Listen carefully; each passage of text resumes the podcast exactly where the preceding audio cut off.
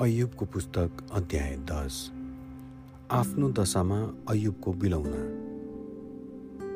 मेरो जीवनलाई नै म घृणा गर्दछु। यसर्थ मेरो दुःख नरोकी म पोखाउनेछु। र म मेरो मनको पिरमा बोल्नेछु। म परमेश्वरलाई भन्नेछु। मलाई दोषी नठहराउनुहोस्। तर मेरो विरुद्धमा भएका तपाईँका अभियोग मलाई बताइदिनुहोस्। के तपाईँ आफ्नो सारा हातका कामलाई तुच्छ ठानी ममाथि अत्या अत्याचार गर्न खुसी हुनुहुन्छ। जबकि दुष्टहरूको योजनामा हाँस्नुहुन्छ।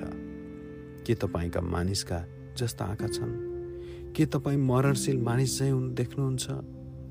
के तपाईँका दिन मरणशील मानिसका जस्तै छन्? अथवा तपाईँको आयु मानिसको जस्तै छ? र तपाईँ ममा दोष खोज्नुहुन्छ? र मेरा पापको खोज पत्ता गर्नुहुन्छ? यद्यपि म निर्दोषी छु अनि तपाईँको हातबाट कसैले मलाई बचाउन सक्दैन भने तपाईँ जान्नुहुन्छ। तपाईँकै हातले मेरो आकार बनाए अनि मलाई सृष्टि गरे।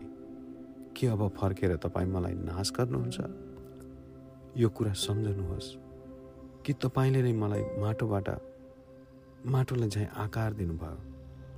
के अब मलाई धुलाइमा परिणत गर्नुहुन्छ?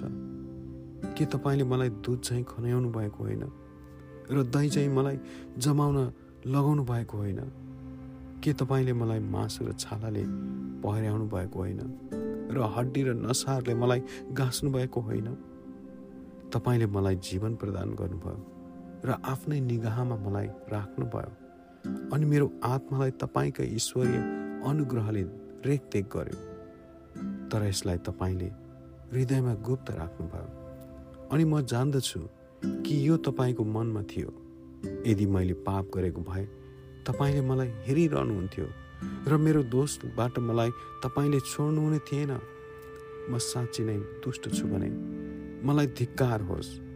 म निर्दोषी छु भने मेरो पनि मेरो शिर म खडा गर्न सक्दिनँ। किनभने लाजले भरिएर म मेरो कष्टमा झुकेको छु। यदि म अभिमानी भए सिंह चाहिँ तपाईँ मलाई खोज्नुहुन्छ। र फेरि भयानक शक्तिले मेरो सामना गर्नुहुन्छ। तपाईँ मेरो विरुद्धमा नयाँ साक्षी ल्याउनुहुन्छ र म प्रति रिस बढाउनुहुनेछ। मेरो विरुद्धमा तपाईँका लहर लहर फौज आउनेछन्।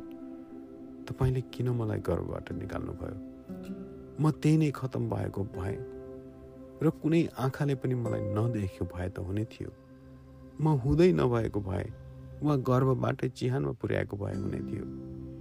कि मेरो छोटो जीवन बितिजाने समय भएन र अन्धकारको देशमा जान अघि घनघोर अन्धकारको देशबाट कहिल्यै नफर्किनु अघि छायाहरू जम्मा हुने देश अध्यारो व्याप्त हुने देश उज्यालोको किरणले प्रकाश नदिएको देश निष्पट्ट अँध्यारोमा जान अघि मबाट फर्कनुहोस् र केही क्षणको निम्ति म सुखी हुन सकौँ।